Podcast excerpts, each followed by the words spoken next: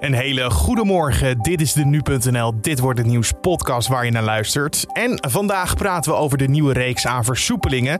Vanavond een persconferentie daarover van Mark Rutte en Hugo de Jonge. Verder een biljoenenplan van de Amerikaanse president Joe Biden. Met de investering wil hij de economie aanwakkeren. En morgen wordt de finale van de Champions League gespeeld. Dat allemaal straks. Maar eerst kijken we kort naar het belangrijkste nieuws van nu.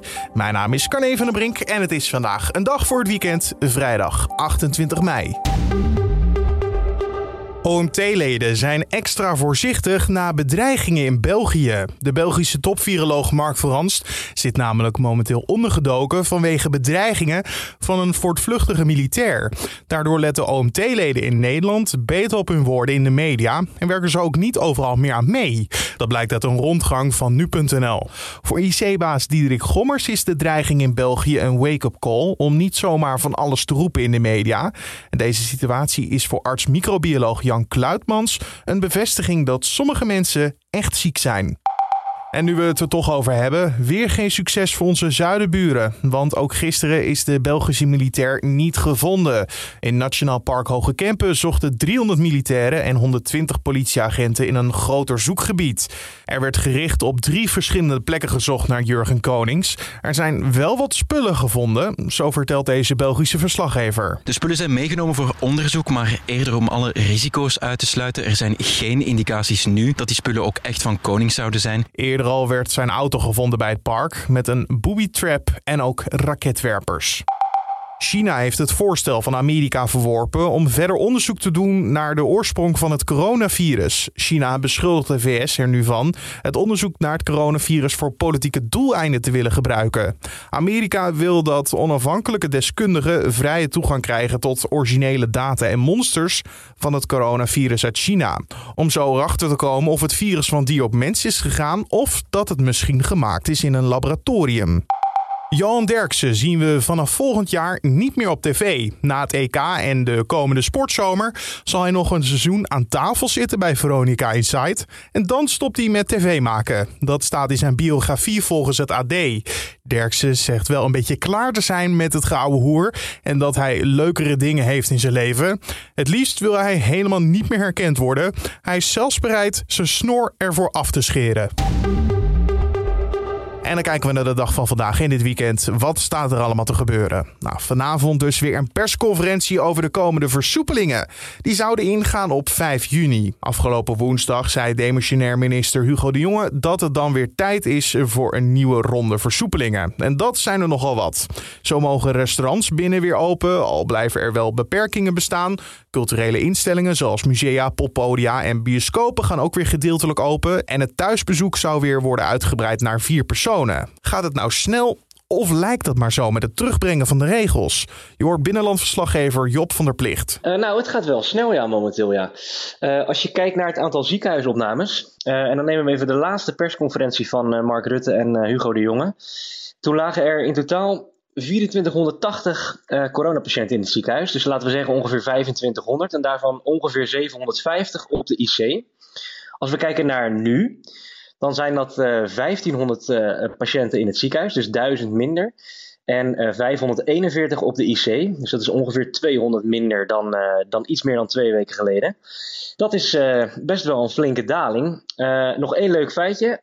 Um, het totaal aantal uh, patiënten op de verpleegafdeling in het ziekenhuis, dat is uh, sinds gisteren iets minder dan duizend. En dat is niet meer voorgekomen sinds 11 oktober vorig jaar. Het gaat wel hard, ja. En dan het Outbreak Management Team, het OMT. Staat het kabinet op één lijn met hen? Ja, ik denk dat je dat zo wel kan zeggen, ja. Het OMT is wel heel voorzichtig als het gaat om versoepelen, misschien ook wel terecht. Het kabinet is, is iets meer van af en toe een gok nemen, maar het OMT heeft in het laatste advies aangegeven dat aan alle eisen wordt voldaan om op 9 juni te gaan versoepelen. Nou, dat wordt dus uh, 5 juni, een paar dagen eerder. Uh, ze hebben ook aangegeven, wacht in ieder geval twee tot drie weken met volgende versoepelingen uh, als je versoepeld hebt. Nou, het is, de laatste versoepelingen zijn van 19 mei, dus daar zit 2,5 week tussen. Het zijn net geen drie weken. Ja, goed. Ik denk dat, uh, dat het OMT uh, zich wel kan vinden uh, in de lijn die het kabinet nu volgt. Binnenlandverslaggever Job van der Plicht hoorde je daar. Vanavond dus om 7 uur de persconferentie. Job is daar voor nu.nl bij aanwezig. Je kan uiteraard ook de livestream volgen bij ons op de site en in onze app. De Amerikaanse president Joe Biden presenteert vandaag zijn eerste gedetailleerde begrotingsvoorstel. Daarin zal veel aandacht zijn voor infrastructuur, immigratie en politie. Het is een plan waar biljoenen voor nodig zijn.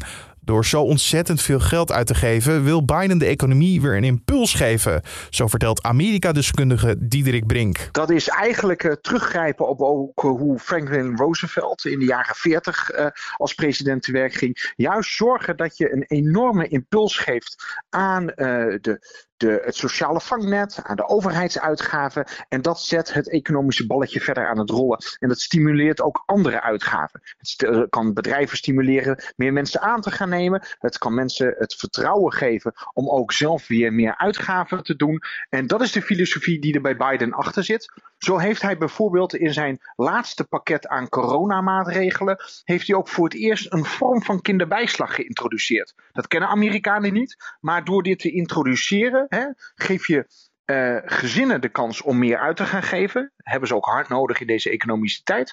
Maar tegelijkertijd laat het ook zien van joh, uh, op deze manier maakt hij het een politiek issue. Want als kiezers er eenmaal aan gewend raken, dan kan het best zijn dat ze aan politici gaan vragen: hou deze kinderbijslag en maak dat een permanente uh, iets. Nou, en zo wil eigenlijk Joe Biden het sociale vangnet en de overheidsuitgaven voor de toekomst verder uh, opschroeven. Om maar te zorgen dat de overheid ook als force for good kan worden gezien.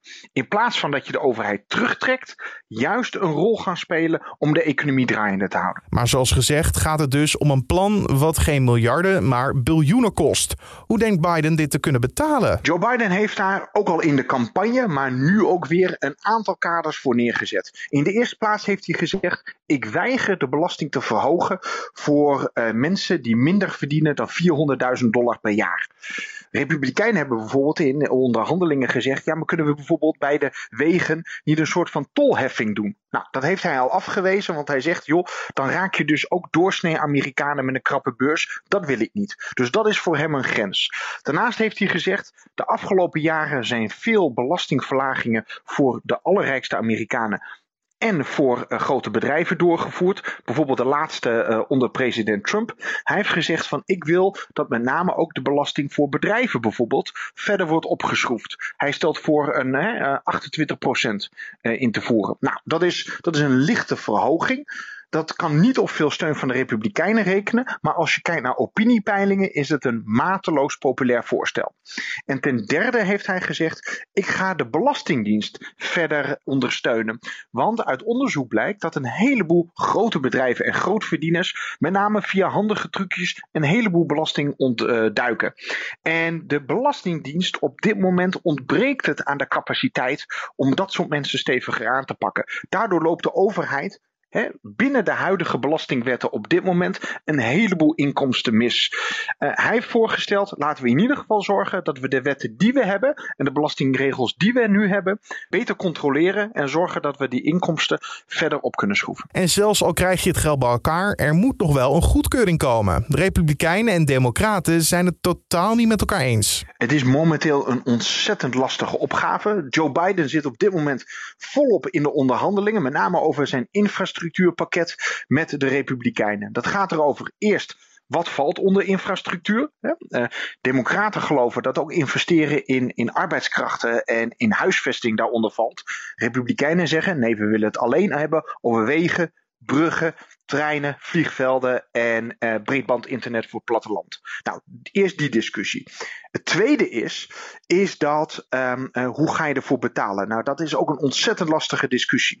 En de belangrijkste politieke overweging hierbij is dat republikeinen eigenlijk geen baat hebben bij een een deal. Uh, ondanks dat hun achterban uh, heel erg populair staat, uh, of kijkt tegen dat hun, het voorstel bij hun achterban ontzettend populair is, hebben zij eigenlijk politiek geen enkele reden om dit te steunen. In de eerste plaats niet, omdat het dan Joe Biden een enorm politiek succes geeft. En hij kan zeggen dat hij zeg maar, het samenwerken in Washington weer hersteld heeft. En ten tweede geeft het hun ook een manco in hun verhaal dat de overheid het probleem is. Zij willen juist aantonen dat door de overheid te verkleinen en een minder grote rol te geven, dat je daarmee de private sector een enorme boost geeft. Democraten willen geloven dat de overheid juist wel een grote rol wil spelen. En dat willen ze hiermee bewijzen. En dat maakt die onderhandelingen zo lastig. Ze hebben verschillende doelstellingen. Nogmaals, democraten willen graag bewijzen dat de overheid wel degelijk een goede rol kan spelen. En dat met deze investeringen ze het leven en de kwaliteit van Amerikanen uh, kunnen verbeteren. Republikeinen zeggen dat hoort niet de rol van de overheid te zijn. En daarom hebben ze niet echt belang bij een goede deal. Amerika-deskundige Diederik Brink was dat. En niet vanavond, maar morgenavond tijd voor voetbal. De finale van de Champions League wordt dan gespeeld. Het Engelse Manchester City neemt het op tegen Chelsea. De finale zou in Istanbul gespeeld worden, maar dat gaat niet door vanwege de coronamaatregelen. De organisatie heeft erom voor Portugal gekozen. De stad Porto om precies te zijn. En van beide clubs mogen 6000 fans het stadion in. De UEFA dacht nog even aan Engeland voor de finale, omdat beide clubs uit hetzelfde land komen. Maar de Britse regering weigerde echter om op de coronaregels uitzonderingen te maken voor de staf van de UEFA, sponsoren en VIP's. En dan kijken we naar het weer van vandaag. Wat gaat het worden? Je het van Weerplaza's Raymond Klaassen. Het is vandaag de eerste dag van een weersomslag, want we hebben het natte weer achter ons gelaten. De dag die begint overigens wel met mist hier en daar, maar die mist die verdwijnt snel. En er zijn er verder zonnige perioden. Er ontstaan in de loop van de dag stapelwolken, maar zoals gezegd, het blijft wel overal droog. De temperatuur die ligt in het noorden van het land rond de 17 graden. In het zuiden kan het 19 graden worden, misschien op een enkele plek wel 20 graden. De wind die waait uit een noordelijke of noordoostelijke richting en is zwak of matig. Dankjewel Raymond Klaassen van Weerplaza. En om af te sluiten nog even dit. Ja, gezond eten en drinken. Dat is de afgelopen 10 jaar meer in prijs gestegen dan ongezond voedsel. Dat blijkt uit cijfers van het CBS en het Voedingscentrum. Ook blijkt dat Nederlanders gemiddeld zo'n 7,18 euro per dag uitgeven aan eten en drinken voor thuisgebruik. Van de gezonde voeding waren eieren de koploper qua prijsstijging. Deze werden bijna 50% duurder. Vooral vier jaar geleden schoten de prijzen omhoog door de Fipronil-affaire. Bij ongezonde producten zag je juist een prijsdaling bij ijs en snoep. Oftewel, een hoop karakter heb je nodig om voor de bewuste keuze te kiezen. En tot zover deze Dit wordt het nieuws podcast voor de vrijdag 28 mei. Vanmiddag geen middagpodcast in de nou, standaard vorm, de korte update over het nieuws van de middag. Maar de maand van nu, onze hoofdredacteur van nu.nl praat je bij over wat, het, ja, wat voor maand het is geweest voor nu.nl. Hoe hebben wij hem beleefd en eh, ja, welk onderwerp willen wij heel graag belichten. Dat kan je vanmiddag beluisteren op de voorpagina van nu.nl en natuurlijk in je favoriete podcast app. Mijn naam is Carne van der Brink. Een hele mooie dag, een fijn weekend en tot maandag.